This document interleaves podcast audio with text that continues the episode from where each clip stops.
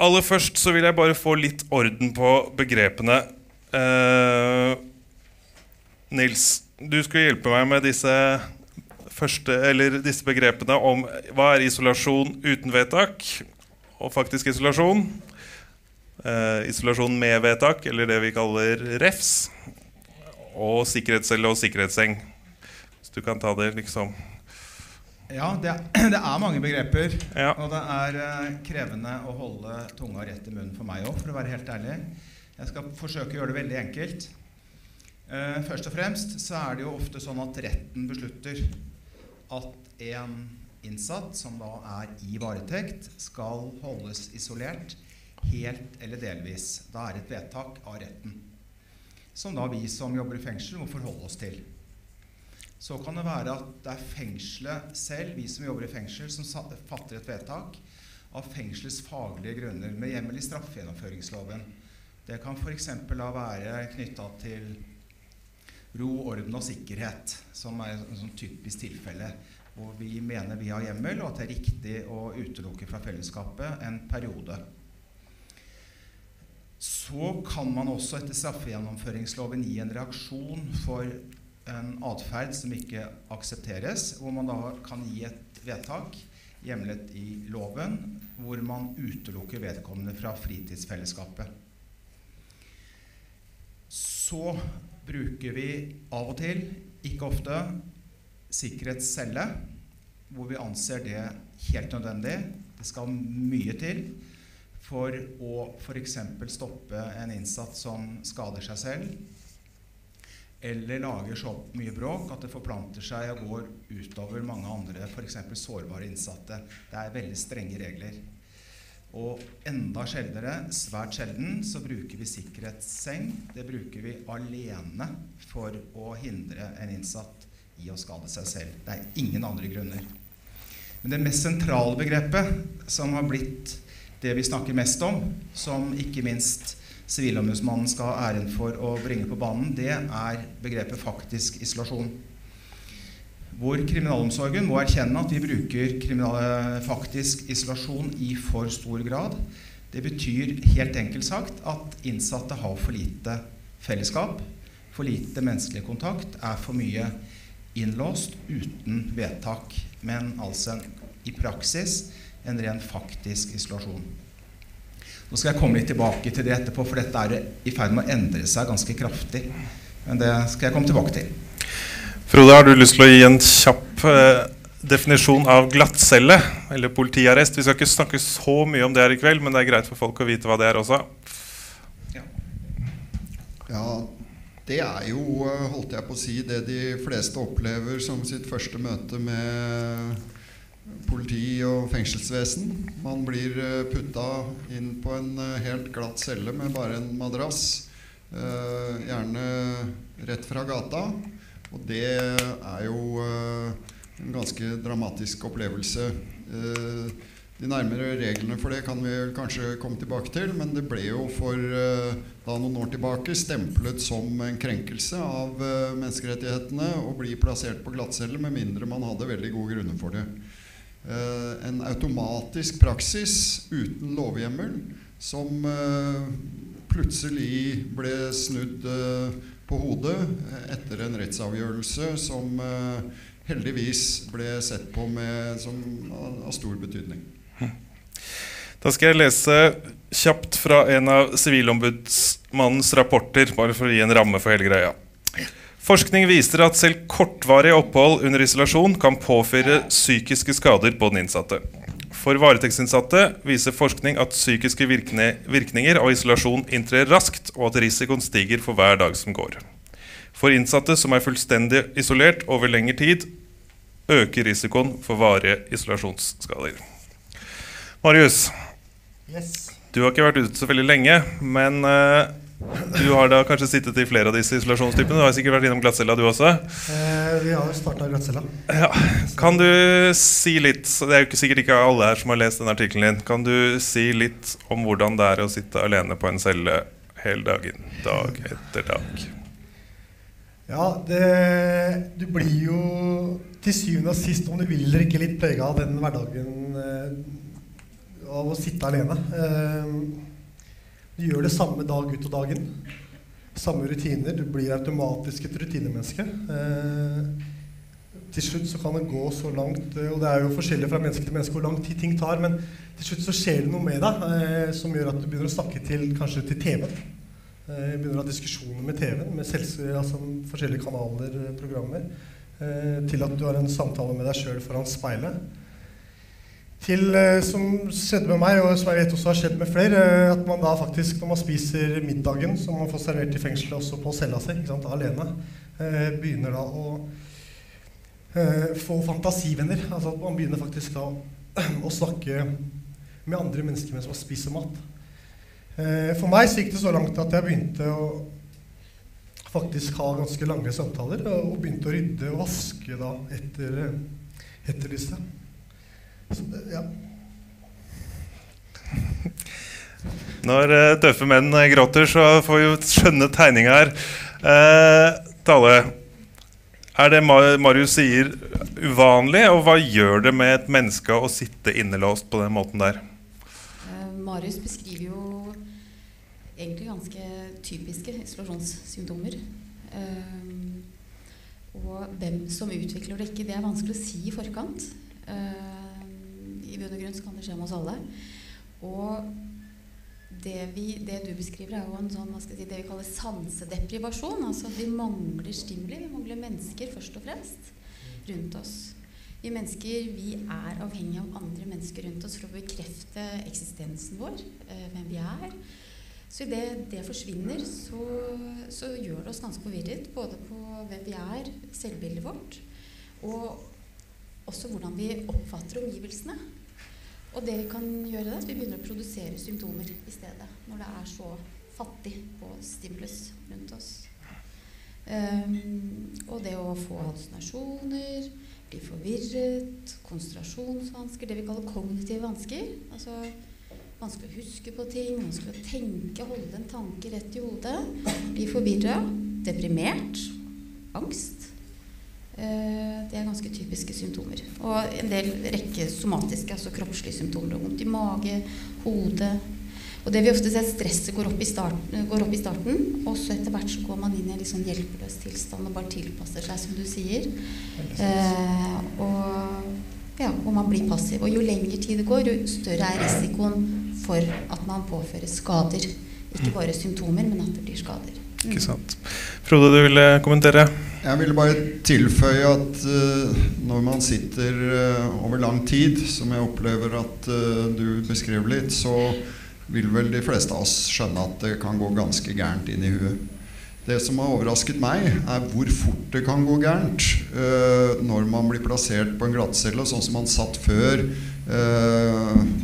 fire dager, fem dager, opp i 20-30 dager på en glattcelle før man fikk overføring til vanlig fengselscelle. Og det det var altså noen som tålte det, men veldig mange tålte det utrolig dårlig. Og noen tålte det overhodet ikke. Og som du sier, det vet man ikke på forhånd, men hvor, hvor gærent det kan gå, hvor, på en måte, hvordan verden kan gå helt i spinn for deg allerede etter en 24 timer, hvis du både skal vi si, er en person som er sårbar for dette, men også blir tatt inn i en livssituasjon hvor krasjet blir så formidabelt at du ikke klarer å håndtere det du er kommet opp i. Så det er eh, dramatisk og veldig skummelt fordi at du vet ikke hvem på forhånd, hvem som vil reagere etter svært kort tid og få dramatiske konsekvenser av dette. Tale først, og så var det Marius. Ja, og ja, bare føye til. det var masse vi kunne sagt om det. Men bare tenk deg å være atskilt fra de du er glad i, de som er støtten din. I tillegg til at du utsettes for den enorme belastningen seg selv å være isolert. Og i tillegg du har gjort noe galt. Det er en vanskelig situasjon bare det å være i fengsel. Så det er så mange belastende faktorer som gjør at det er veldig forståelig hvordan dette går så galt for så mange. Marius? Jeg vil bare kort si um jeg kommer eh, fra et kriminelt miljø. Har levd det siden jeg var 12-13 år. Eh, alltid blitt sett på som en stor, sterk eh, mann, både psykisk og fysisk, på gata. Men isolasjon i seg selv har faktisk ødelagt meg. Ja, det er egentlig det jeg vil si. Eh, Frode Skal vi se Mista jeg tråden min her. Eh, Frode, hva er det som er lov og ikke lov i forhold til isolasjon, sånn i norsk og internasjonal juss? Ja, nå ble vel det besvart litt fra sidemannen her innledningsvis. Eh, for han snakket om eh, hvilke lovlige isolasjonsformer vi har. Eh, og det er jo eh, hva skal vi si, et av grunnvilkårene i eh, eh, de internasjonale forpliktelsene etter menneskerettighetene. Fordi isolasjon i seg selv er åpenbart et uh, alvorlig inngrep i en persons uh, privatliv. Og da må det ha hjemmel i lov.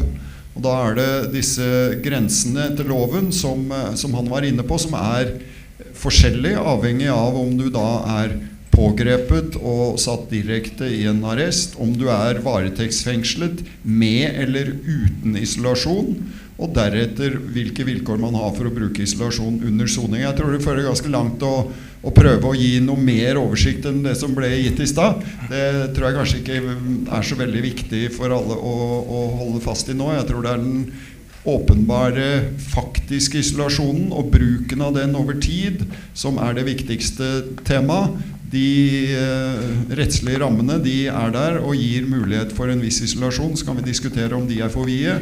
Men det store problemet i norsk kriminalomsorg og i norsk eh, fengslingspraksis har jo vært en eh, faktisk isolasjon uten lovhjemmel i stor utstrekning i svært mange år. Eh, ja, hvordan er praksisen i f.eks. Oslo fengsel, Nils? I forhold til om man holder si- lovverket, liksom. Ja, først vil jeg gjerne si Jeg har skrevet det. Jeg svarte på din eh, kronikk, eh, Marius. Det følte jeg veldig for. Og da skriver jeg Det høres kanskje litt rart ut når jeg jobber i fengsel og har gjort det i mange år, men din historie gjør veldig inntrykk. Så det har jeg skrevet at det gjør, og det gjør det også å høre på deg. Ja. Også for meg. Og det er litt viktig å si.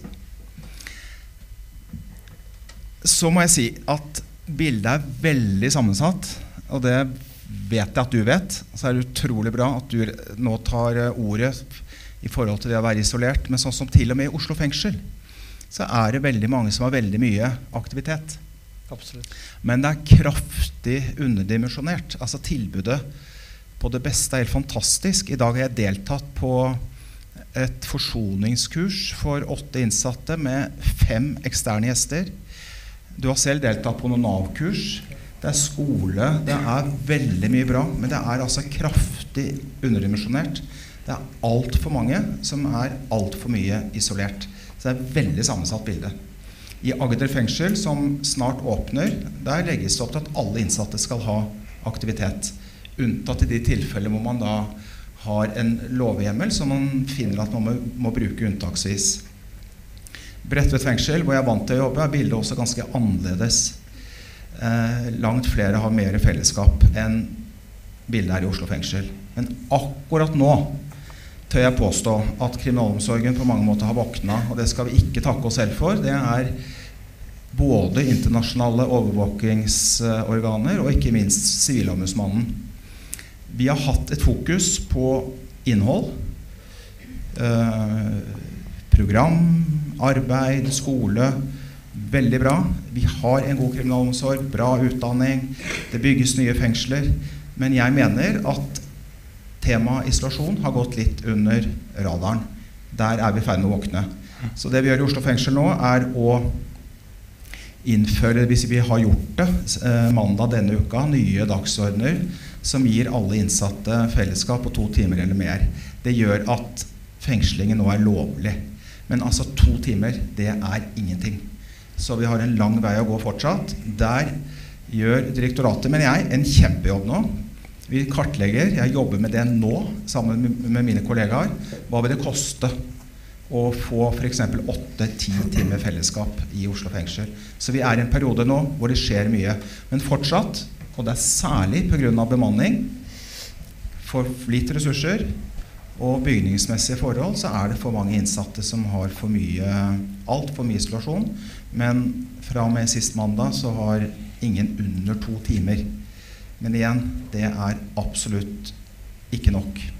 Så jeg har lyst til å si et par ord om hvorfor det er sånn. Kan jeg gjøre det? For Ja. Det er jeg veldig opptatt av.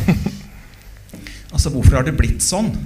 Når det er så utrolig mye bra med norsk kriminalomsorg. Jeg er ikke så veldig objektiv, men jeg mener faktisk at det er riktig. Det er veldig mye bra innhold. Mange får skolegang, mange får et bra tilbud.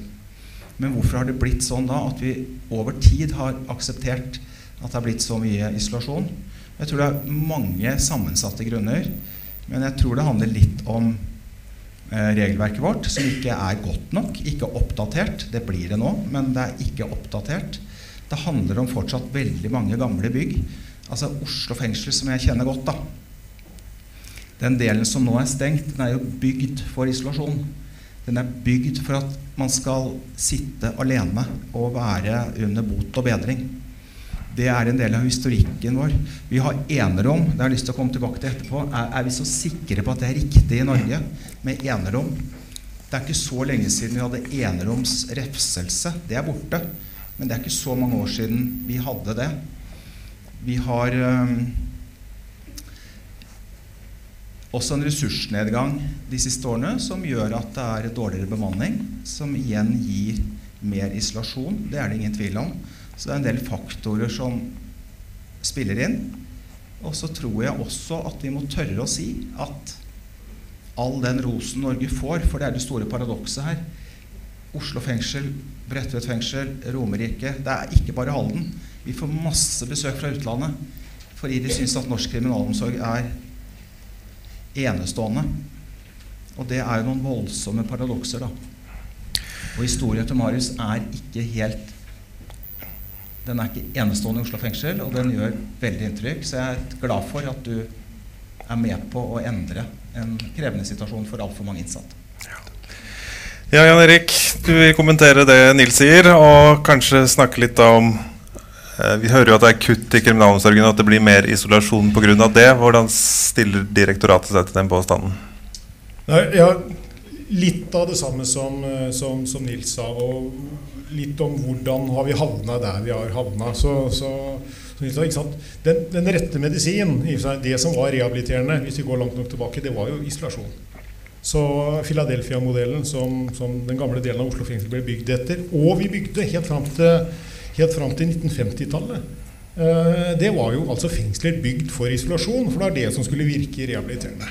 Og så er jo det for lengst forlatt, og det er jo det helt motsatte. Men vi fortsatte å bygge i og for seg fengsler som hadde avdelinger for isolasjon, pga. Eh, såkalte varetektsavdelinger og mottaksavdelinger.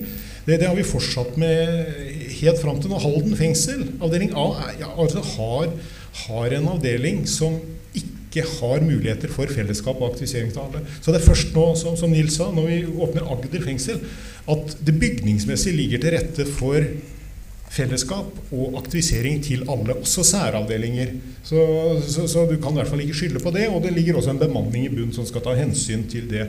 Og så har jeg også lyst til å si at jeg tror det er riktig noe av det Frode sa, at vi har når, når det gjelder isolasjonsproblematikk, så har vi jobba med områder. Vi har jobba med politiarrest. Og fristene for overføring har blitt, gått langsomt ned. Det har blitt bedre og bedre. Og, og, og liksom, man har gjort noe med det. Vi har det samme med, med, med isolasjon fastsatt av retten. Så har man ikke sant, så nye lovregler og strengere, så det blir færre og færre. Men, men det vi ikke har gjort, er jo liksom å se på ja, problemet er isolasjon. Som sådan, uavhengig av hjemmel. Eh, så det sitter mange pga. bygningsmessige forhold og bemanningsmessige forhold som ikke har fellesskap, ikke har aktivisering. Selv om sant, du får en varetektsinnsatt som er i retten og blir tatt av full isolasjon, kommer tilbake til fengselet, og så er hverdagen akkurat den samme. Eh, og det er jo det vi skal jobbe med nå. Nettopp å, å ta, ta problemet, som er isolasjon, uavhengig av hjemmelsgrunnlaget for å få det opp. Og, og jeg kommer tilbake til det, takke Marius for, for, for, for, å sette dette på dagsorden på den måten du har gjort, som er veldig viktig. Så, og, og da, midt oppi dette her så kommer jo den budsjettkutta som rammer oss. Vi, vi, er som andre statlige etater skal ned x antall millioner hvert år. Og, og, for oss i direktoratet er det en kjempeutfordring at vi da og så kan man godt si man har 4,5-5 milliarder i budsjett. Det høres så lett ut å kutte 25 millioner. Eh, og det kan man gjenta til man blir blå. Eh, men det blir ikke noe lettere for hver gang. Det blir heller tyngre for hver gang.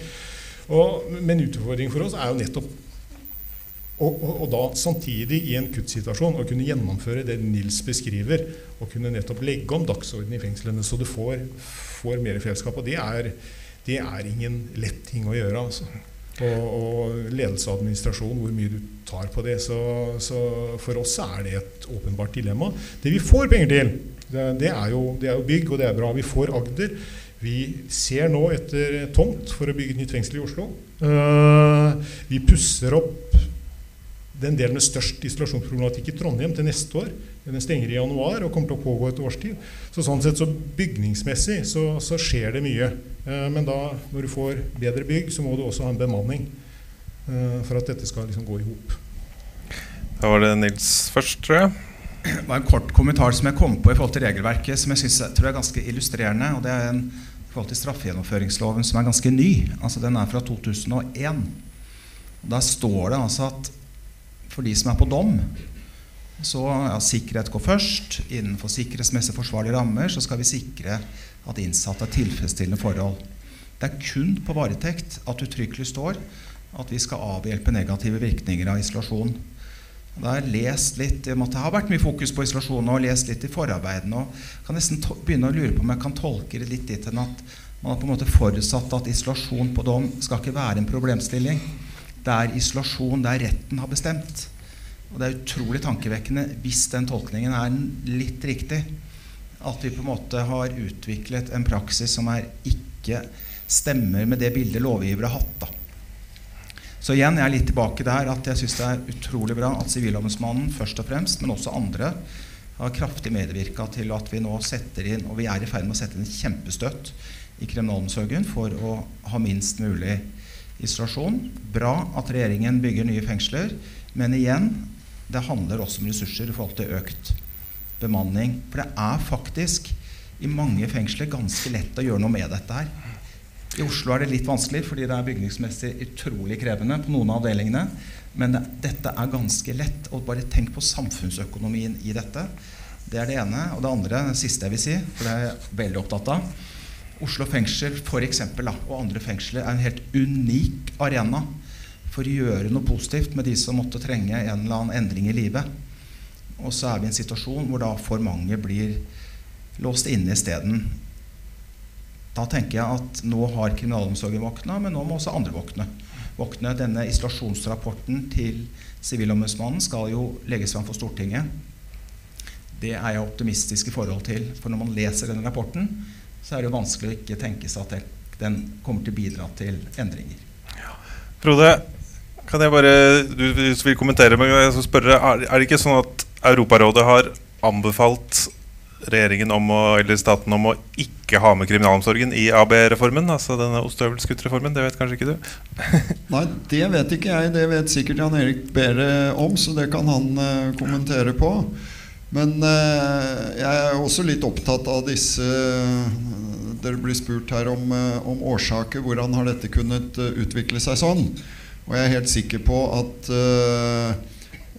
økonomiske forhold, det mange har kalt en utarming av kriminalomsorgen over lang tid, har vært et helt sentralt del av årsaken. Og det er klart at det er billigere å holde folk på isolasjon. Det krever mindre folk, og det krever altså ikke noen endrede bygningsmessige forhold. Og det kan jo være fare for at uh, selv om det nå er mange gode planer, og mange sier at man har forstått at sånn kan vi ikke ha det lenger, så er jeg jo fortsatt utrygg på hvordan dette kommer til å bli, nettopp pga. de store økonomiske uttellingene. Uh, du sitter og regner på dette, skjønner jeg, for Oslos del. Det gjør de vel rundt omkring i landet ellers også, etter krav fra Jan Erik her, som da har bedt om at nå må vi få vite hva skal dette koste. De har noen planer om uh, hva slags uh, praksis de ønsker, og hvilke regelendringer de har foreslått. Men eh, der er det ikke tallfestet noe som helst, og man har bare bedt om å få overslag. Jeg vet ikke hvor mange overslag du har fått inn, og hva du selv tror. Jeg tror at det kommer til å koste veldig mye mer enn eh, noen regjering kommer til å være villig til å bevilge. Men eh, vi får nå se. Og det som da viser seg å være nødvendig, og som vel har vært det avgjørende brekkpunkt både for KDI og for Riksadvokat og andre, det er jo når domstolene sier nei. Det avgjørende brekkpunktet i forhold til bruk av glattcelle var eh, da regjeringsadvokaten droppet anken, og den var rettskraftig. Da var man bare nødt til å få på plass nye rundskriv og få en helt endret praksis. Jeg kan komme tilbake til at fortsatt er praksis etter min oppfatning menneskerettsstridig.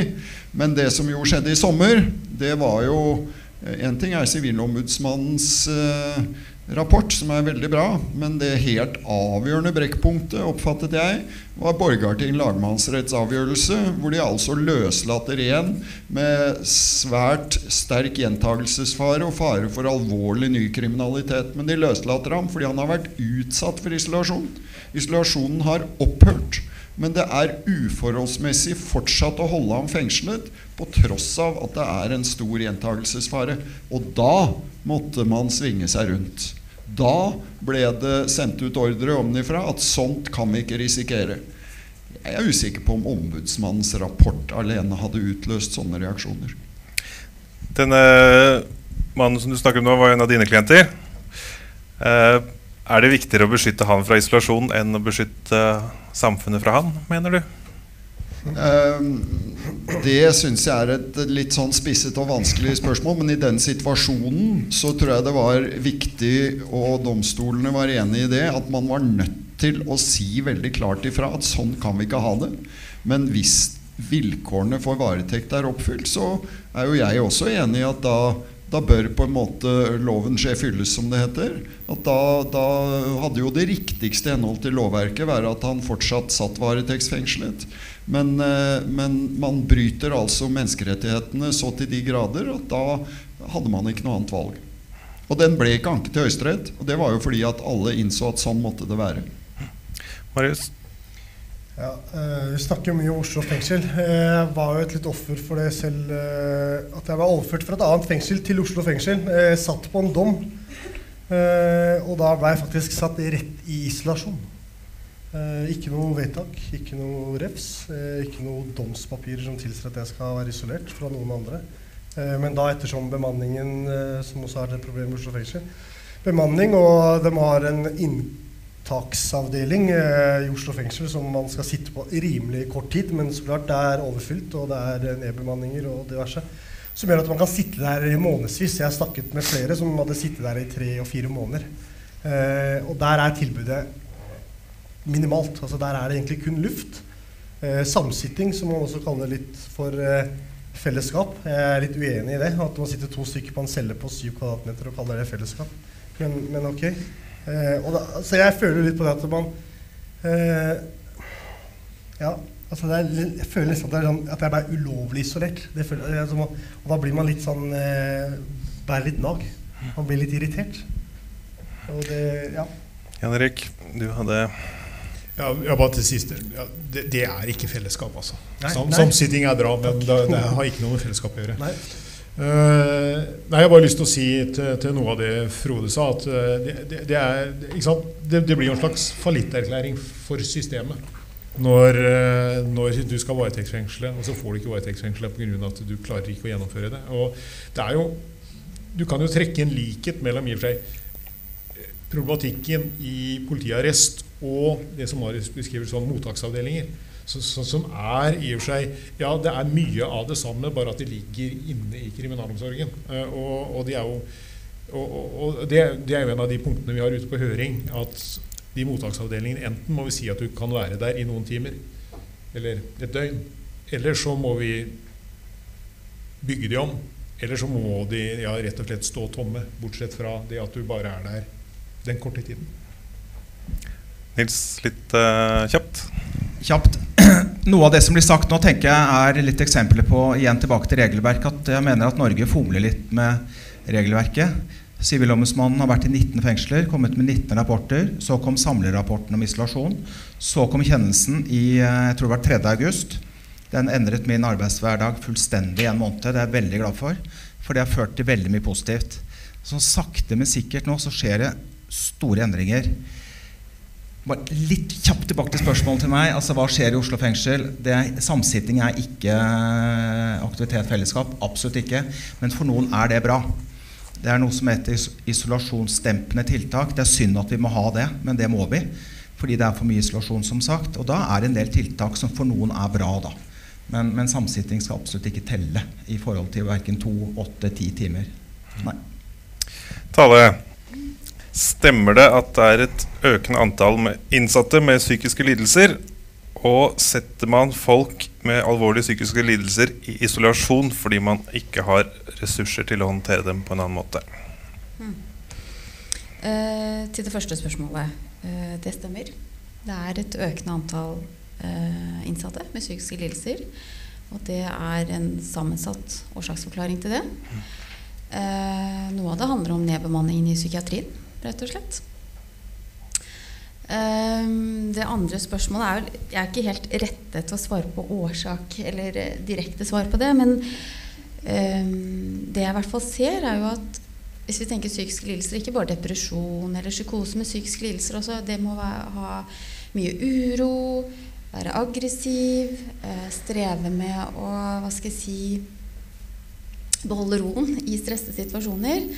Eh, da er det vanskelig å komme inn i aktivitet og komme i gang og få eh, gjennomført. Det strammer seg rundt en jo mer urolig en er. Eh, når kanskje den uroen og aggresjonen handler om en psykisk uhelse. Og det tenker jeg er et problem, for da kommer vi inn i en negativ spiral som vi strever med å få brutt for ja. den enkelte. Mm. Ikke sant. Eh, Marius, vi snakka så vidt her om isolasjon med vedtak. Ja. Eller at man blir satt på refs. Du har jo sittet inne noen ganger. Har du hørt noen Altså Man sier The punishment should fit the crime. Har du hørt noen dårlige grunner til å bli satt på refs opp igjennom? Ja, vi snakka jo litt om det i stad før uh, debatten òg. Uh, alt fra at folk kan ha stjålet uh, en melk fra en annen innsatt sin hylle, eller altså kjøleskap. ikke sant? Og så blir man satt på refs for det. For det. Eh, det. Så er det jo Jeg har jo også opplevd at man kan bli satt på refs fordi man kanskje har en dårlig dag. altså Man, man sitter jo innlåst. Man, man, er ikke mye rom for å utdype følelsene sine til eh, mennesker rundt seg, dessverre. Eh, og da blir det dessverre innimellom eh, betjentene som blir eh, de som eh, faktisk får høre det innimellom. jeg personlig føler da at mange av de som jobber i, i fengselsvesenet, da eh, er for kjappe til å Nei, truende oppførsel. Dyrt, eh, reps. Ikke sant? Eh, og, og, så blir det da et sånt, litt sånn misbruk på den eh, isolasjonen igjen. da. Ikke sant? For da kan man liksom plutselig få en eh, For at man kanskje slo eh, døra eller veggen og var litt sint, og så får du da en uke isolasjon. det hjelper jo ikke for frustrasjonen din, tenker jeg da. Frode? Ja, jeg tenkte jeg ville kommentere det spørsmålet som Tale fikk i forhold til psykisk eh, syke og isolasjon.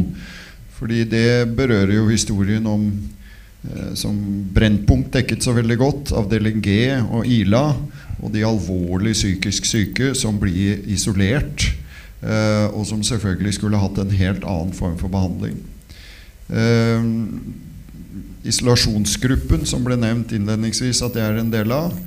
Vi har nå varslet søksmål om bruk av isolasjon overfor en psykisk syk innsatt eh, over svært lang tid, hvor man liksom ble sendt når det ble altfor gærent og selvmordsforsøkene ble altfor alvorlig, så var det inn i psykiatrien. Og når man da kom tilbake til den aktuelle fengselsanstalt, så var det rett på isolasjon. Altså man håndterte det man ikke mestret ved isolasjon. Jeg hadde selv en innsatt på Ila som sultestreiket pga. Uh, svært mange vedtak over lang tid som uh, han fant helt uakseptabelt. Og det var en svært alvorlig sultestreik. Han gikk uh, nesten i koma, gikk ned uh, over 30 kg. Han ble også isolert på avdeling G, begrunnet i helsemessige forhold fra fengselets side. Men slått hardt ned på av Sivilombudsmannen. For det var selvfølgelig helt andre begrunnelser og helt uakseptable effekter. Sånn at bruk av isolasjon overfor psykisk sykdom Jeg kan gjerne akseptere at det også har mye med ressurser å gjøre.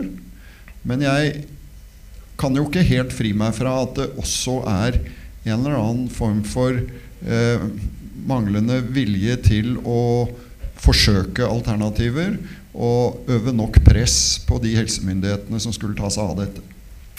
Da var det Jan Erik først, så Marius, og så Nils.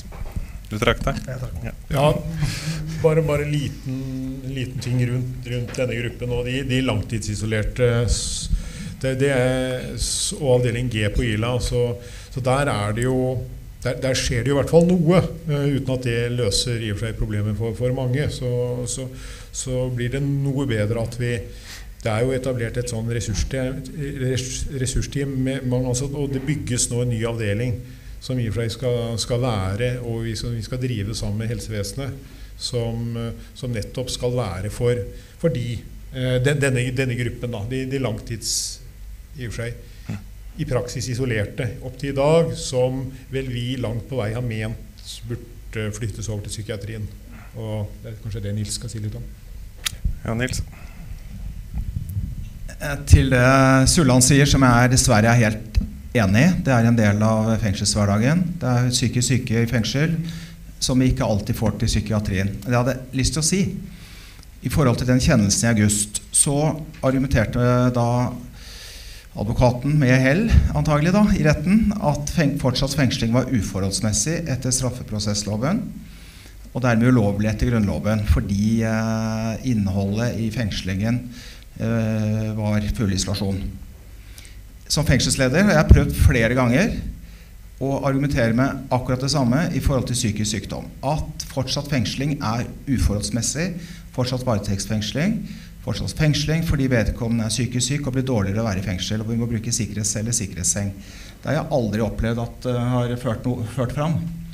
Så det syns jeg også er eh, betenkelig. At man ikke i større grad argumenterer for det. At det også er uforholdsmessig. En vakker dag så håper jeg at man kan se tilbake på 2019 og tenke at vi bruker sikkerhetsseng i norske fengsler istedenfor direkte inn i psykiatrien. Det er ikke bra. Skal love deg at man forsøker. Eh, vi forsøker overfor domstolene domstolen i alle sammenhenger hvor det er mulig å argumentere med akkurat dette. Nå har, vært, har vi hatt den siste uka en ny runde om eh, interneringsinnsatt på Trandum med store psykiske utfordringer, og også en med sultestreik. Det som vi får til svar, alltid fra domstolene, er at retten forutsetter at helsevesenet i kriminalomsorgen vil ta tilstrekkelig ansvar. Da jeg satt i Oslo, så skjedde det flere ganger. Jeg er sikker på at du opplevde det samme. At en avdeling, da pga. at noen var syke, eller noe sånt, så fikk de en uventet innlåsning. Dette reagerer man på når man har ganske lite i utgangspunktet. Så da er det gjerne noen som eh, utagerer, enten med å skade seg selv eller med å knuse cella. Da de, blir de ansatte som er på jobb på de andre avdelingene, da stenger de de avdelingene, for de må komme og håndtere denne situasjonen. Og da utagerer enda flere. Dette er, uh, har skjedd i hvert fall flere ganger mens jeg satt i Oslo. Er ikke det uh, oppe si, uh, Er ikke dette du vil kommentere? Ja. Ja. Eh, som du sa, jeg har opplevd det er flere ganger. Eh, I flere forskjellige fengsler i faktisk i Norge. Eh, Eidsberg fengsel, som er et ganske nytt fengsel. Eh, en av de nyeste, vil jeg tro. Eh, skjedde også begrunna nedbemanning. Eh, så måtte de da begynne å stenge diverse avdelinger og så bytte for løpet av dagen. Eh, som da skapte mye uro. Folk ble urolige. Utagerte, knuste cella, trua betjentene. Frustrert. Som igjen da gjorde at de da etter at de da fikk den isolasjonen, eller at avdelingen ble stengt, så får de også en refs i senere tid. Som igjen gjør at vi, i takket være at eh, vi måtte stenge avdelinga di, og du reagerte, så får du nå 14 dager utelukkelse fra alt fellesskap også. Og det, ja. det, og det skjedde ofte. ja. Skaper ikke gode naboer. Det skaper ikke gode naboer og ikke et godt arbeidsmiljø heller, tenker jeg nå. Tale, hva vet vi om isolasjon i forhold til selvskading og enda verre selvmord? Ehm, for å begynne liksom på toppen eh, Det vi vet, er at varetektssituasjonen er forbundet med for høye suicidrisiko. Eh, 66% av de som tok livet sitt i fengsler, eh, ifølge Inge, Yngve Amelin, eh, rapporten hans fra 2010, eh, det var i varetekt. Og 42% av de som tok livet sitt, det var i løpet av de to første ukene i varetekt. Eh, og en stor andel av disse var på isolasjon og fullt brev- og besøksforbud. Og de symptomene som Marius har beskrevet, eh, og som vi kjenner til fra isolasjon, det er ikke noe tvil om at de eh, symptomene, de tilstandene satt sammen, det øker risikoen for eh, suicidforsøk eller suicid. Mm. Marius? Ja. Eh, apropos selvmord, da, eh, så har det vært mye av det Jeg har sona nå to år. Eh, opplevd i to forskjellige fengsler. Eh, selvmord. Eh, og det blir veldig dyssende. Jeg føler som at det, eh, og, det, og det føler jeg er mye grunn av isolasjon. da, føler jeg. At, at det er for lite oppfølging i fengslene på de menneskene som faktisk er isolert. Eh, og så I tillegg til eh, så blir det veldig dyssende i mediene. Mens mediene skriver mer om at eh, betjentene føler seg redde på jobb. Eh, ikke sant? Mens et selvmord eh, blir egentlig bare glemt. Eh, de selvmordene jeg har opplevd på nært hold eh, i de årene jeg har sittet i fengsel, har jeg aldri fått høre om jeg har stått i noe som helst media. egentlig. Eh, mens jeg hører ofte hvert år eh, man skal ha penger og, og, og sånne ting i, kassa, så står det ofte at eh, innsatte eh, skremmer eh, ansatte på jobb. Eh, ikke sant? Eh, mens det, det reelle faktaen eh, kommer egentlig ikke på bordet, føler jeg. Hanli? Jan Erik? Jeg har bare lyst til å kommentere at eh, det er nok riktig at det ikke står så mye om, i media om at innsatte som tar livet sitt, som er veldig tragisk. Men, men jeg kan forsikre om at internt i kriminalomsorgen så tas det meget alvorlig. Og de, de heldigvis ganske få sakene vi har, det, det, det, det, svinger ganske mye fra år til år. De, de, de, de blir jo, har jo alle år gått, blitt gått gjennom i detalj. Er en forsker på KRUS, Yngve Amelin, som han går ned i detalj altså, og, og, og, og, på de, på de og for at vi rett og slett skal bli flinkere som, som, som etat til å håndtere det. Men eh, det er en av våre Absolutt. Det er jo det mest tragiske som skjer. Marius? Ja, eh, nå nylig så var det en som tok livet av seg i Oslo fengsel. Eh, og den, han som fant han andre innsatte med da en løkke rundt huet, hvis vi skal sette det veldig på spissen, eh, han fikk ikke noe oppfølging. Og han satt også isolert. Da tenker jeg hva skjer da? Eh, og det syns jeg er veldig dårlig. For uansett hva de som jobber i Oslo fengsel, hva de sier, jeg så det selv. Og jeg snakket daglig med han som faktisk fant han i lufta. Eh, og han fikk ikke noe oppfølging av da de som var på jobb, og de som kom på jobb etterpå. Det var i hvert fall ett selvmord med det året jeg satt i Oslo også, Nils. Det ser ut som du har lyst til å kommentere dette her. Ja, altså det er bare uendelig trist. Samtidig så må jeg nyansere litt, for akkurat her har ikke du hele bildet, Marius. Det må jeg si. Det selvmordet som var i Oslo fengsel nå nylig, det jeg kjenner alle omstendighetene veldig godt. Eh, rapporteringer, selvfølgelig. Omfattende dokumentasjon.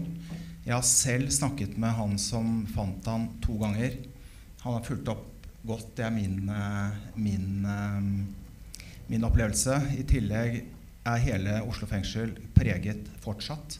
Vi følger opp ansatte.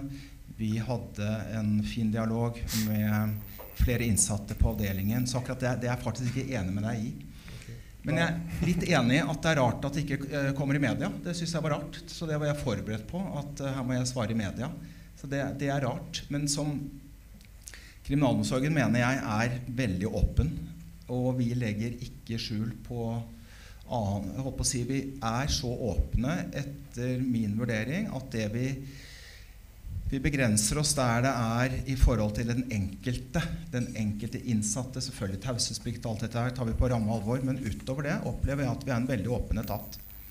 Jeg har ikke noe behov for å skjule noe heller rundt det selvmordet utover det som går på personvern. Det er en del av norsk virkelighet som vi ikke skal legge skjul på. Skal fortsette litt på selvmord. Det er eh, mange land som har mye lavere selvmordstall enn vi har i Norge. Vi har, dere var så vidt innpå det. Er tanken liksom om at alle skal ha sitt priv eget private rom, egentlig noen god idé? Og kunne man brukt dublering, eller at man samsitter og også for to stykker som sitter på vedtak, da, kan du si, som, som man ikke sitter alene med seg selv? Svar du, Nils. Jeg har en historie som jeg bare må fortelle. Den går veldig fort. Men jeg har sittet i et møte alene med ti rumenske psykologer. Alle jobber i rumenske fengsler. Og de stiller meg ett spørsmål unisont fra alle ti. Det at vi har enerom i Norge, er det noe vi gjør bevisst for å påføre en ekstra pine? Det er veldig tankevekkende, for i norsk kultur så er vi veldig opptatt av enerom ofte. Og tenker at det er det eneste saliggjørende. Om det er sykehjem eller fengsel eller andre institusjoner. Men jeg mener at vi av og til må stille spørsmål om det er riktig. I hvert fall ikke for alle. da. Det er jeg ikke så sikker på. Og kanskje særlig i varetekt, sånn som i Oslo fengsel, hvor mange kommer nærmest inn i sjokk. Voldsomme akutte tap. Det kan være, Noen er så unge at de kommer rett, nærmest rett fra gutterommet. Eh, andre kommer rett fra gjengen. For noen av disse så er jeg ganske sikker på at eh, det kunne vært bedre en periode. Forutsatt at vi hadde ressurser til å tenke mye på hensiktsmessig sammensetning osv. At det kunne vært bra for mange. Det er en diskusjon jeg mener vi må ta. Hvis det blir et nytt uh, Oslo fengsel, og hvis jeg skal være med å påvirke det, så er det noe av det jeg kommer til å jobbe for. At man tenker litt annerledes i forhold til uh, dette med enerom. Tale, vil du si noe, eller? Nei, du bare nikker anerkjennende. Uh, jeg har jo etter hvert beveget Jeg kunne ha en liten kommentar. Du har en kommentar, ja. Sorry. Så det er ikke uh, Det jeg lurte på, var om, om, du har fått noen respons på sånne tanker blant de innsatte, eller om gutta her borte kunne kommentere det utspillet. Fordi dette har vel antagelig mye med kultur å gjøre, vil jeg tro. Og at uh, det du beskriver om at vi i Norge er opptatt av uh, enerom både holdt jeg på å si på fødestua og helt til aldershjemmet, uh, sier vel noe om at det å påføre selv en ungdom dette uten at det var ønsket, kanskje ikke er så heldig. Men jeg vet ikke om det har vært noe rop på samsitting og dublering blant de innsatte dere kjenner? Jeg kan bare snakke for meg selv. da. Eh, første gang jeg ble satt i varetekt Nå var jeg riktignok ikke noen ungdom, men uh, da satt jeg på brev- og besøksforbud og ble satt i Eidsberg fengsel den gangen det var et 70 liter fengsel. Uh, på en dubleringscelle med en som Han kunne riktignok ikke et kløyva ord verken på norsk eller engelsk. Men det, det å være sammen med noen da, gjorde at man, det var en trygghet i det. liksom. Jeg er ikke helt alene. Så, vet ikke, du er jo veldig opptatt av disse ungdommene, Marius. Det skal vi komme tilbake til. Eh. Ja. Tror du de hadde kunne hatt lyst til å bli satt i fengsel, eller de satt i celle med en eller annen sånn som deg, da kanskje? Eh, både ja og nei. Ja. eh, men ja, det er litt det du sier, da, at da er man ikke helt alene. Ikke man har en man kan snakke med automatisk. Man skaffer rutiner sammen. Eh, man skaper en hverdag sammen. Eh, man får et bånd. Man får en litt sunnere hva skal kalle det, hverdag. Altså livsstil inne blant isolasjon og, og, livet bak mulig. på en måte. Så jeg, jeg har litt troa på den dupleringa som, som man starta litt på både i Halden og, og Eidsberg fengsel også. Eh, har de hatt noen sånne celler. Men, men så har det dabba plutselig forsvunnet igjen, den dubleringsbiten. Hvorfor det, vet jeg ikke, men det, jeg har litt troa på det. Det kan kanskje Jan Erik svare på? Ja, sånn helt konkret, så i, i dag så pga. vi stengte i Nederland, så, så fikk kriminalomsorgen vi fikk midler til å dublere 100 plasser. Og det pågår ennå. Grunnen til at det ikke er i bruk, er jo at antall innsatte har falt. Uh, det, det, det, har jo falt fra 3008 til 3200 i løpet av kort tid nå. Uh, så, men, men jeg bare si jeg har en gang diskutert det med, med, mange innsatte. og Det var når vi planla Halden fengsel. Så hadde vi en eh, sånn liten workshop i Oslo fengsel der vi inviterte de innsatte på den gamle fritidsavdelingen der på, på til en diskusjon på rundt dette, og også da hvordan skal vi designe cella. Som vi hadde. Og, og den gangen, men, men det var ti innsatte, så, så var det ingen som var interessert. Da, da ville alle ha sitt eget rom. Uh, og man, man, man, man, hadde veldig sterke synspunkter på hvordan den skulle se ut. Men uh, det, det, var viktig. Men uh, i disse budsjettider så må vi passe oss for den type diskusjoner. Marius, helt kort. Ja, jeg bare, eh, du snakker om at eh, jeg, jeg, bare jeg lurer på, De cellene blir jo fortsatt brukt. De er ikke ubrukt. de cellene som, altså Jeg har selv sittet på Eidsberg fengsel med en celle med to senger. Eh, og vi spurte flere ganger om man kunne dublere. Om man kunne da sitte være to på den cella. Og da fikk vi beskjed om at det, nei, det var ikke lov. Ja. Da, og da tenker jeg hvorfor ikke det? Det er Nei. for det. Nei, det, og det er, det er, Hvis noen vil det frivillig, så, så er jo, det er jo ingen, det er jo ingen i strid med noe regelverk å sitte to på en tomannscelle. Hvis, så. Det må du instruere hardt om, eh, Jan Erik. Eh, jeg har jo etter hvert beveget meg inn i en ganske streit verden, og da får jeg innimellom spørsmål om hvordan det er å sitte i fengsel i Norge. Og da sier jeg alltid ja, er, ikke, du er jo ikke akkurat Guantánamo Bay å sitte i fengsel i Norge. Skal jeg lese fra Sivilombudsmannens rapport fra Bergen fengsel i fjor. Sikkerhetscellene fre fremsto generelt sett som slitte. Den minste cellen var størrelsesmessig på grensen av det Den europeiske torturforebyggingskomité anbefaler. Calling-systemet i cellene var koblet ut for å hindre unødvendig mye ringing, til vakta. At innsatte på en sikkerhetscelle ikke har anledning til å kontakte betjenter, er sterkt bekymringsverdig. Det samme gjelder at cellene var fullt opplyste hele døgnet uten mulighet for dimming. Det var protokollført at innsatte synes det var kaldt i sikkerhetscellen. Høres ikke dette nesten ut som Guantánamo Bay? Jan Erik? Ja, bare å si at det der er jo ganske alvorlig lesning for oss. Sånn, det, alle de tingene som tas opp der, både mangelen på callinganlegg, at lyset er på og sånn, det, det skal jo ikke forekomme. Marius? Eller? Eh, ja. Ja, ta deg først. Eh, litt interessant. Eh, noen av kollegaene våre fra Røverradioen var, var i et fengsel i USA eh, for ikke så lenge siden. Eh, og beskrev da Oslo fengsel for da de innsatte på Death Row, eh, som er av maximum security. ikke sant? Eh, og forklarte da at eh, det var eh, lukkede dører. Altså at det var ikke noe Du fikk ikke sett gjennom dørene i Oslo fengsel. Og da ble selv de eh, sjokkert og sa eh, det er eh, hullet. Som da kalles fullstendig isolasjon i USA. Eh, og det er da en hverdag, hverdag i, i Oslo fengsel. Eh, så det, jeg mener at det sier litt om egentlig inntrykket, selv om at det, det er veldig flott og fint å sitte i Norge. absolutt. Vi er et fint land og fine fengsler og god standard. absolutt, Men eh, når da kollegaene mine sa det til meg, at de innsatte i USA, en av da de verste fengslene i verden, sa det da om Oslo fengsel, og generelt da er det lukka dører. Kan man ikke se gjennom døra? Er det ikke gitter? Altså Kan man ikke se hverandre? Da fikk jeg et litt annet inntrykk av det norske fengselssystemet, for å være helt ærlig. Da skjønte jeg litt mer hva egentlig. Frode, vil du si noe? Ja, nei, Det var bare til Jan Erik eh, at vi er jo veldig enige om at eh, det er en ganske voldsom beskrivelse. Sånn bør det absolutt ikke være. Jeg lurer bare på hvorfor var det sånn?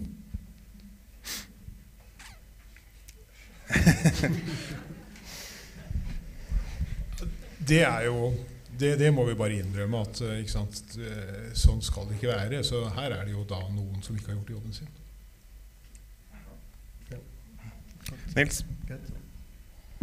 Altså, det som jeg har skrevet og sagt noen ganger, som sikkert ikke dere har hørt, men det har jeg gjort, og det mener jeg veldig, at Sivilombudsmannens arbeid det, var, eh, det har vært en gavepakke til kriminalomsorgen. Det må vi være ærlige på. Vi har skjerpet oss på en rekke områder. Noe hadde vi helt sikkert greid selv òg.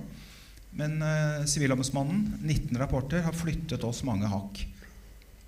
Dette med f.eks. på Bredtvet, hvor jeg eh, egentlig har fast stilling, der eh, førte det til en så enkel ting som at på de to sikkerhetscellene der monterte vi en klokke som innsatte kunne se gjennom et vindu. I ettertid, eller i grunn i det vi fikk rapporten, hvor det kom som et forslag, så er det jo direkte skambelagt at ikke vi greide å se det selv. At det var en god idé. Og dessverre er det en del sånne eksempler. Så Sivilombudsmannen har gjort at vi har skjerpet oss på en rekke områder. Noe av det som står igjen, sånn jeg opplever det, er dette vi snakker om nå, faktisk isolasjon. Der er vi også på god vei, mener jeg, men det er noe av det som står igjen. Mye har vi gjort. Det å ta, som Jan Erik sier, og det er helt riktig, det er overhodet ikke eh, aktuelt å kutte ut calling så innsatte ikke skal få kontakt med ansatte. Det er ikke snakk om. Det som er en teknisk mulighet, det har lyst til å si, man kan Og det vet jeg i Oslo fengsel skjer uhyre sjelden hvis det er en innsatt som sitter bokstavelig talt på callingen hele tiden så andre ikke kommer til, så kan man kutte det ut i 20 minutter. Men det er overhodet ikke tema å ikke la innsatte ha kontakt med, med ansatte. Eh, Jan Erik, det, vi hører eh, Vi har jo kvinnelige røvere også. Vi hører at særlig da i de små regionale fengslene, hvor det da gjerne bare kanskje sitter én kvinne, at de, disse da sitter mye i faktisk isolasjon. Hva kan vi gjøre med det, som rent bortsett fra fengsle mye flere kvinner? da? Nei, det, det, er jo å, å rett og slett uh, slutte å ha de bitte små kvinneavdelingene rundt omkring. Uh, og og, og, det skjer jo noe der. ikke Vi, vi, har jo nylig åpna Evje som et nytt kvinnefengsel. Vi har fått uh, Kragerø gjort om til kvinnefengsel. Og også den, selv om det er, det er, et gammelt fengsel, den gamle delen av Kongsvinger. Så, så, og det er det vi beveger oss mot. Vi lager nå også en ny kvinneavdeling i Trondheim.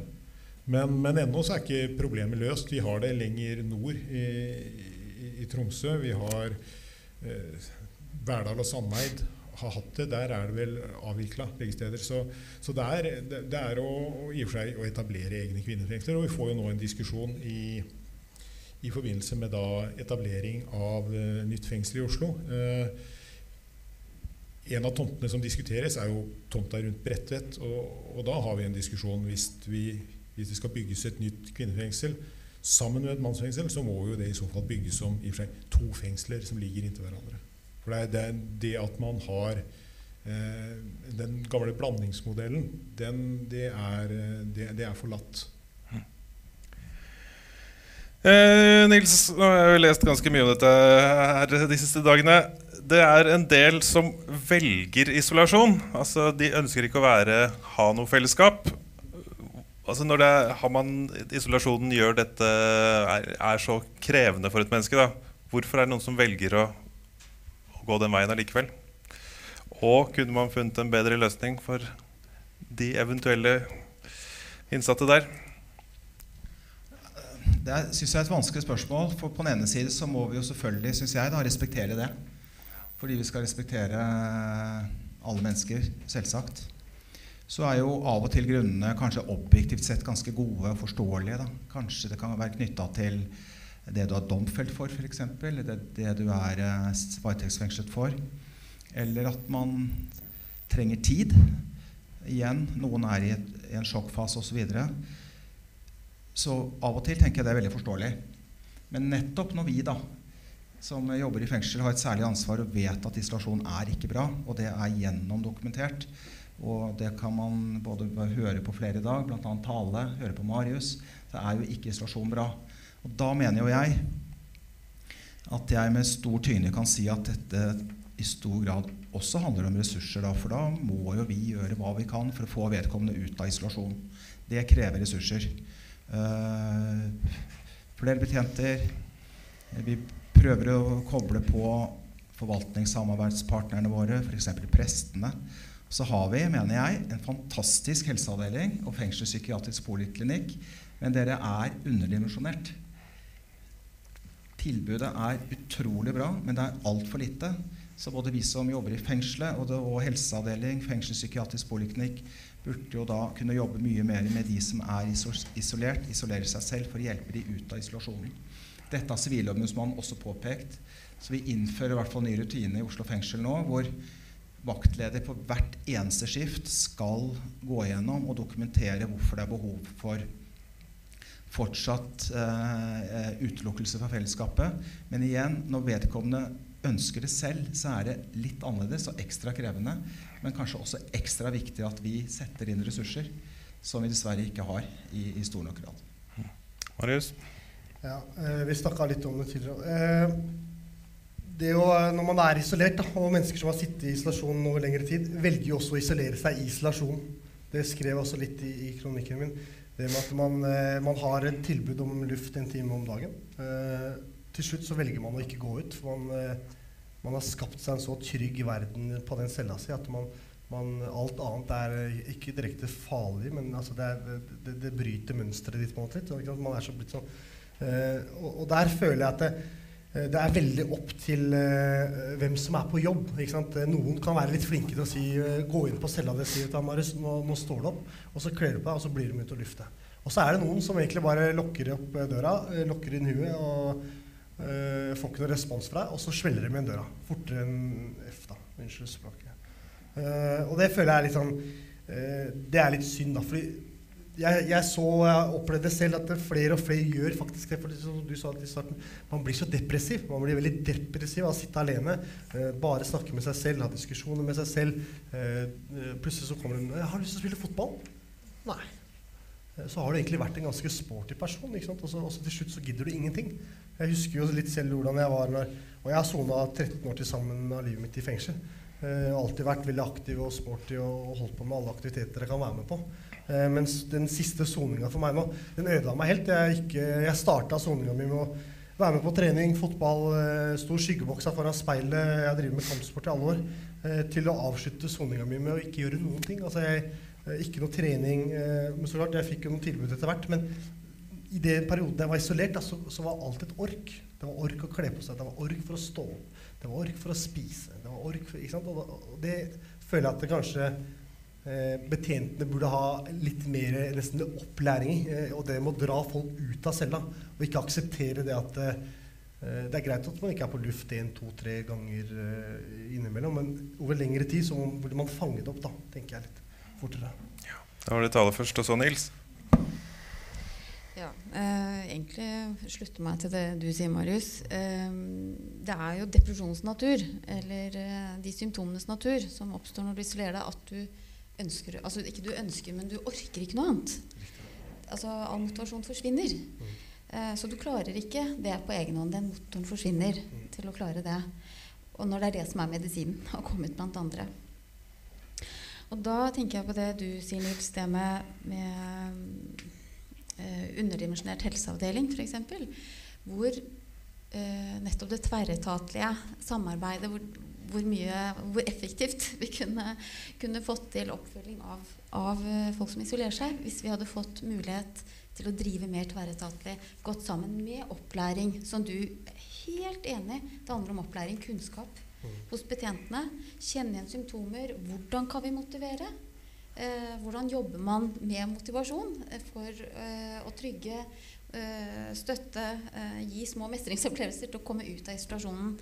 Eh, det hadde vært utrolig spennende og fint å få til. Mm. Nils. Og det er eh, helt eh, fikk noen nye tall i dag som viser at ca. 50% av innsettelsene i Oslo fengsel skjer etter klokka halv fire på ettermiddagen. Da er helseavdelingen i ferd med å bli tømt for folk.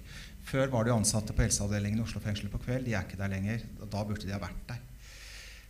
Noe av det Marius snakker om nå, tenker jeg er noe av det aller mest sentrale. Altså. Og det er igjen det er der vi kommer til kort. Noen går under radaren. radaren. Vi greier ikke å følge opp alle som isolerer seg selv. Vi, eh, det er eh, alvorlig og handler i stor grad om eh, eh, ressurser. Vi, vi kaller det at man da blir utelukket fra fellesskapet etter eget tiltak.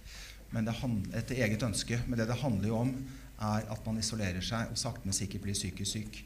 Og da burde vi hatt et annet apparat til å, å håndtere det. Både se, løfte, motivere. Vi har to avdelinger i Oslo fengsel som er veldig bra, som gir et særlig tilbud til noen av de vi snakker om nå. Men igjen kraftig underdimensjonert i forhold til eh, behovet. Og at vi da har innsatte i Oslo fengsel som blir psykisk syke av å være der, det er noe vi ikke kan akseptere. Og det er skrevet da i mitt svar til Marius at det er rett og slett umenneskelig. Det må vi fokusere på fortsatt. Ja, jeg har to ting i forhold til denne gruppa. Det er, det er jo et tankekars som Nils var inne på, at vi liksom behandler dette Vi flytter problematikken over i jussen og sier at det har vi lov til. Ikke sant? Vi, har, vi har en lovregulering at det, det er tillatt. Det er jo, og at det egentlig handler om alt annet enn juss når folk gjør det. Og så, er, så, så, så det er faktisk noe av det vi har ute på en liten høring nå. Er, er liksom, trenger vi den hjemmelen? Vi trenger å jobbe med de som isolerer seg selv, men trenger man ha en, i og for seg juridisk hjemmel for det? Uh, og, og, og, og diskusjonen strander ofte der. En annen ting det, det, det at, folk, at innsatte isolerer seg selv, er sånn, et område der vi virkelig trenger mer kunnskap om hvorfor. Det, antageligvis det, er, det er mange, og det er ulike grunner. Uh, så, så, vi trenger rett og slett Det er en av de tingene som vi ønsker å prioritere sånn forskningsmessig. Marius, du fortalte meg i går at du nå selv, etter du har sluppet ut, så har vært ute en tre uker. tre uker, at du isolerer deg selv innimellom, i hvert fall. Ja, jeg gjør faktisk det. Jeg hadde min første samtale med, med, psykologen min på DPS i dag, og nevnte også det. Jeg eh, Nå sitter jeg jo her da, blant masse mennesker, så det høres kanskje litt sånn rart ut. Men jeg gjør faktisk det. Jeg, det var faktisk også da kona mi som eh, bemerka seg det, eh, med at jeg stadig forsvant lengre perioder på toalettet. Vi har et avskilt toalett på, på, i huset vårt som er veldig trangt. Det er nesten skulder til skulder på veggen. Og der sitter jeg med mørket for meg sjøl. Og det gjør jeg oftere og oftere for å få den roen og finne den tryggheten som det, det faktisk da isolasjonen føler jeg liksom, skapte for meg. Eh, og det, det, er ikke meg. fordi som jeg sa til psykologen min litt i stad, så, så er, har jeg egentlig hatt et problem med lukkede dører og lukka vinduer. Og, altså jeg har liksom, alltid når jeg har vært uh, ute tidligere, så har, alt fra moren min gått og lukka verandadøra på vinteren liksom, fordi jeg lukker den opp fordi at nei, jeg kan ikke ha døra igjen. Vi må ha den oppe. Altså, ikke sant? Jeg har vært veldig prega motsatt, og nå har det faktisk snudd seg blitt at jeg faktisk føler en trygghet i isolasjon hjemme i mitt eget hjem. Og det, da, da, føler jeg at eh, Da har jeg fått en soningsskade. Beklager. Men ja. ja. Nils, det er jo noen som sitter på vedtak fordi de har vært voldelige. Dere må jo tenke på sikkerheten både til eh, betjenter, men også til andre innsatte. Er det noe alternativ til isolasjon for voldelige innsatte? Det er vanskelige spørsmål. Jeg tenker at det er veldig forskjell på dette må man På vegne av oss som jobber i fengsel, så må vi se på dette på kort og lang sikt. For der og da så tenker jeg det kan være absolutt riktig, og det er bra vi har et lovverk som hjemler og da utelukker fra fellesskapet. Eh, det kan være helt riktig i en situasjon. Det kan både være for, av hensyn til innsatte selv og for, av hensyn til medinnsatte, ansatte osv. Da bruker vi uh, loven på riktig måte. F.eks.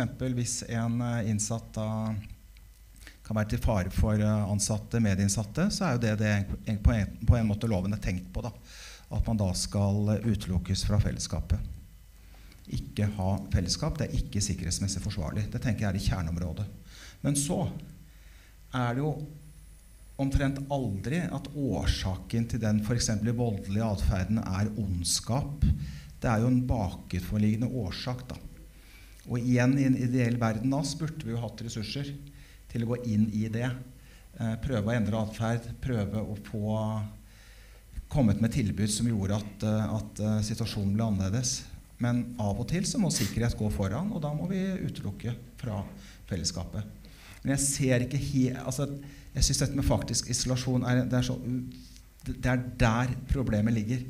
At vi av og til bruker lovverket på riktig måte. Det tenker jeg er bra. Og det handler igjen også ofte om å skåne innsatte.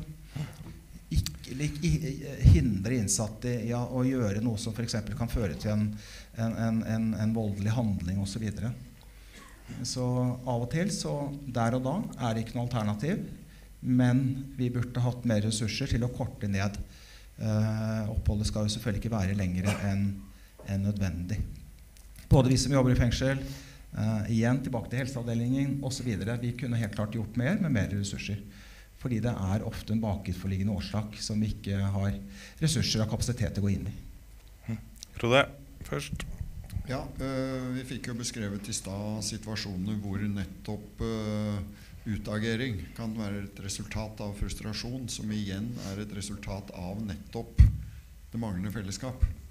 Eh, og så skal man bruke utelukking fra fellesskap som reaksjon på det som har vært et resultat av manglende fellesskap. Hvor kommer man da? Da er det altså en, en sirkel i dette som gjør at eh, det høres jo riktig ut det du sier, at noen ganger så kan det være riktig og nødvendig, og man må ha en sånn hjemmel. Men eh, at dere har en faktisk ressurssituasjon som gjør at dette blir en reaksjon litt automatisk i veldig mange tilfeller hvor det er helt andre reaksjoner som hadde vært adekvate, og som hadde kunnet avhjelpe at den frustrasjonen på nytt eventuelt skulle føre til en utagering. Så dere må ja, Jeg tror dere må gå i, i, tog, altså. Hele gjengen. Det er et voldsomt eh, skrik etter ressurser. Og når man sammenligner og snakker pent om norske fengsler, så er det sikkert god grunn til. Men, men det oppleves som et eh, behov som uh, er liksom i alle kroker og kriker i kriminalomsorgen. At man må få økte ressurser. Og vi får bare håpe at det skal du kanskje komme til, men at denne stortingsbehandlingen, som nå ombudsmannens melding nødvendigvis vil måtte føre til, blir såpass eh, øyeåpnende at eh, dere kan få i hvert fall eh, en del av det dere har behov for. Helt kort, Nils. Nå må vi snart åpne opp for for jeg, også, salen. jeg har bare lyst til å si det, for det, det er jeg helt enig i. Og, om, og om jeg ikke skal gå, gå, i tog, så stiller jeg i hvert fall opp på alt knytta til isolasjon. fordi sakte, men sikkert så tror jeg vi kan gjøre en, en, en, endring. Men så må vi også til slutt huske at en del av bildet i Norge i dag er at det er flere i fengsel som er mer krevende. Det er flere som har en utagerende atferd. Og så henger jo ting også der ofte sammen. da. Men det er også en grunn til at vi av og til må bruke regelverket for det det er verdt. Dessverre. Jan Erik KDI har satt ned en arbeidsgruppe for å redusere omfanget av isolasjonsbruken. Hva kommer ut av den? Har du noen spoilers?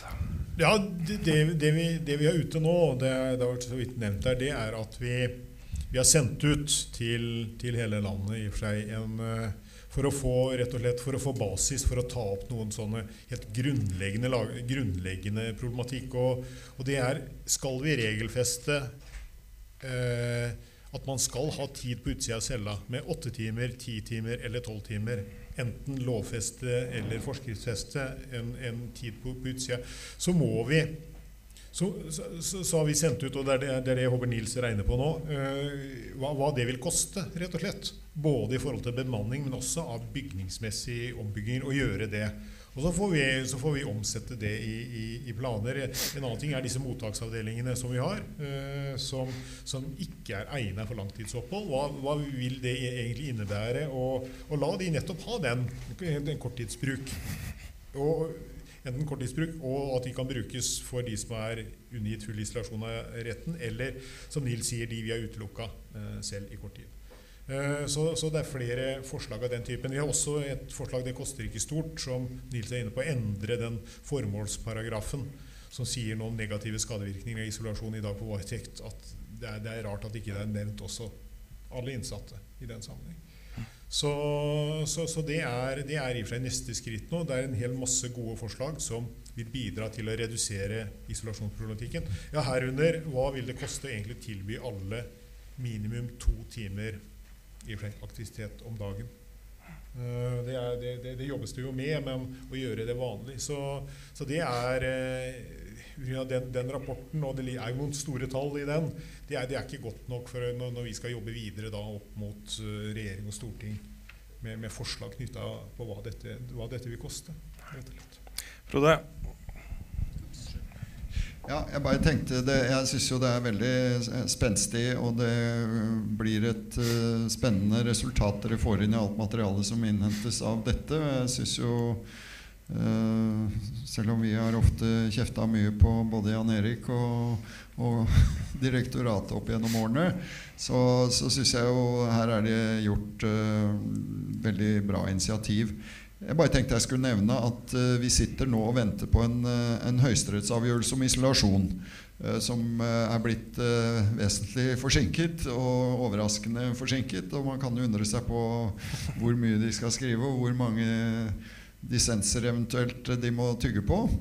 det blir i hvert fall veldig spennende, fordi den vil også berøre nettopp hvilke grenser skal gå. fordi til orientering så dreier den seg om hvordan man skal gjøre et uh, riktig varetektsfradrag for uh, isolasjon under varetekt. Og da må man uh, Høyesterett er i hvert fall invitert til å vurdere hva som er isolasjon, og når man er ulovlig isolert. Og i dette um, brevet som dere har sendt ut, så nevner dere jo en del om at all mulig kontakt også med advokat må anses som eh, et slags fellesskap. Som eh, man skal eh, på en måte komme unna med hvis man skal regne hvor mange timer man har. Det kan det bli spennende å se hva Høyesterett mener om. Der er de i hvert fall invitert til å si at kontakt med advokat hindrer ikke at man har vært ulovlig isolert. Jeg er sikker på at en time med deg, Frode, er verdt mange timer med annet fellesskap. Hva tenker du, Jan Erik? Ja, nei, du har vel lest det vel ikke litt spesielt, men, eh, men det, er, det er menneskelig kontakt. Men det har jo ikke noe med fellesskap å gjøre. Det å selv kontakt med en advokat kan vel betraktes som menneskelig kontakt. Det kan Han er jurist sjøl, så han har lov. Eh, er det noen i salen som har spørsmål? I så fall så må de komme opp og snakke i mikrofonen, siden vi tar opp lyden her. Eh, damen fra JURK, ser det ut som.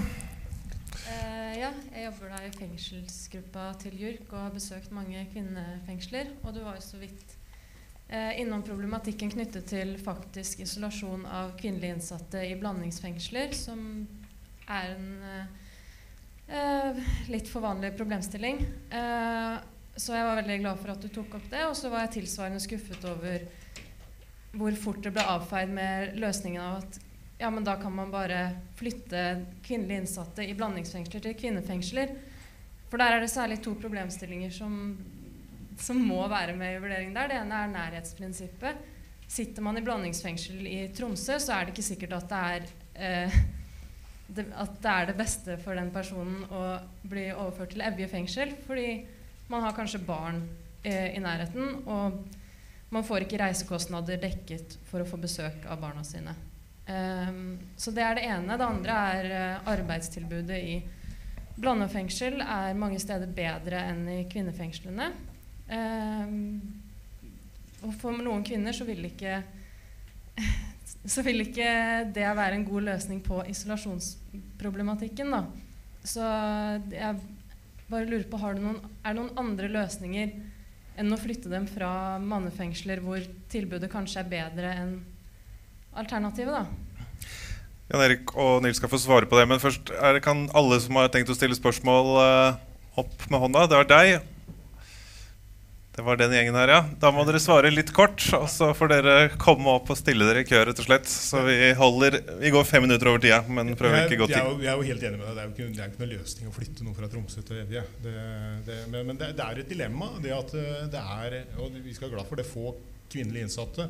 Og, og, og det å lage et godt tilbud, og et, i hvert fall et tilbud som så et innhold som er, eh, inneholder mange, mange ulike ting, like godt som, som et større mannsfengsel. Det, det krever en del innsatte. Og så har du den avveininga der, og skal du ikke sitte sammen. det det, det, er, det er et dilemma, altså. Eh? Men vi, vi prøver jo i og for seg styrke kvaliteten på det vi har. Ravneberget kommer til å bli større. Eh, det er i hvert fall muligheten. Vi, vi skal bygge noe nytt i Oslo. Vi gjør noe i Trondheim. Vi har noen diskusjoner i Trom, Tromsø hva, hva vi gjør der. Så, så å finne den balansegangen, det, det er et det, er et. En ting som er positivt, det er at kvinnelige innsatte er flinkere til å søke om fotlenke. Så det er en relativt høyere andel av de kvinnelige innsatte som soner hjemme. Da. Men hva med de som ikke Skal de sone verre fordi Nei, det de er det er jeg sier. Det er ganske flinkere dilemma, da. Ikke sant? Så lenge du har altså, du har, ikke sant? Du har to kvinnelige innsatte fra, fra, fra grensa fra, fra, fra Nordland til Finnmark. Ikke sant? Det, det er to, og skal de da ha et eget fengsel for to, så blir det et veldig begrensa tilbud. Det, det, det, er, det er ganske vanskelig, egentlig.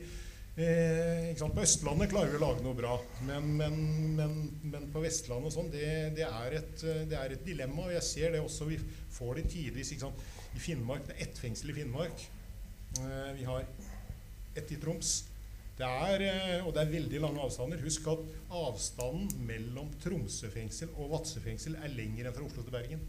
Men er et alternativ å eh, begrense den faktiske bruken av altså bruken av faktisk isolasjon i blandingsfengsel, men la kvinnene fortsette å sone i blandingsfengsel når det er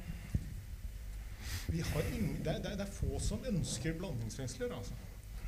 Det, det har jeg ikke følelsen av noe. Det danskene har hatt det i alle år, de endrer policy nå og bygger for første gang på, på 20 år egne kvinnefengsler.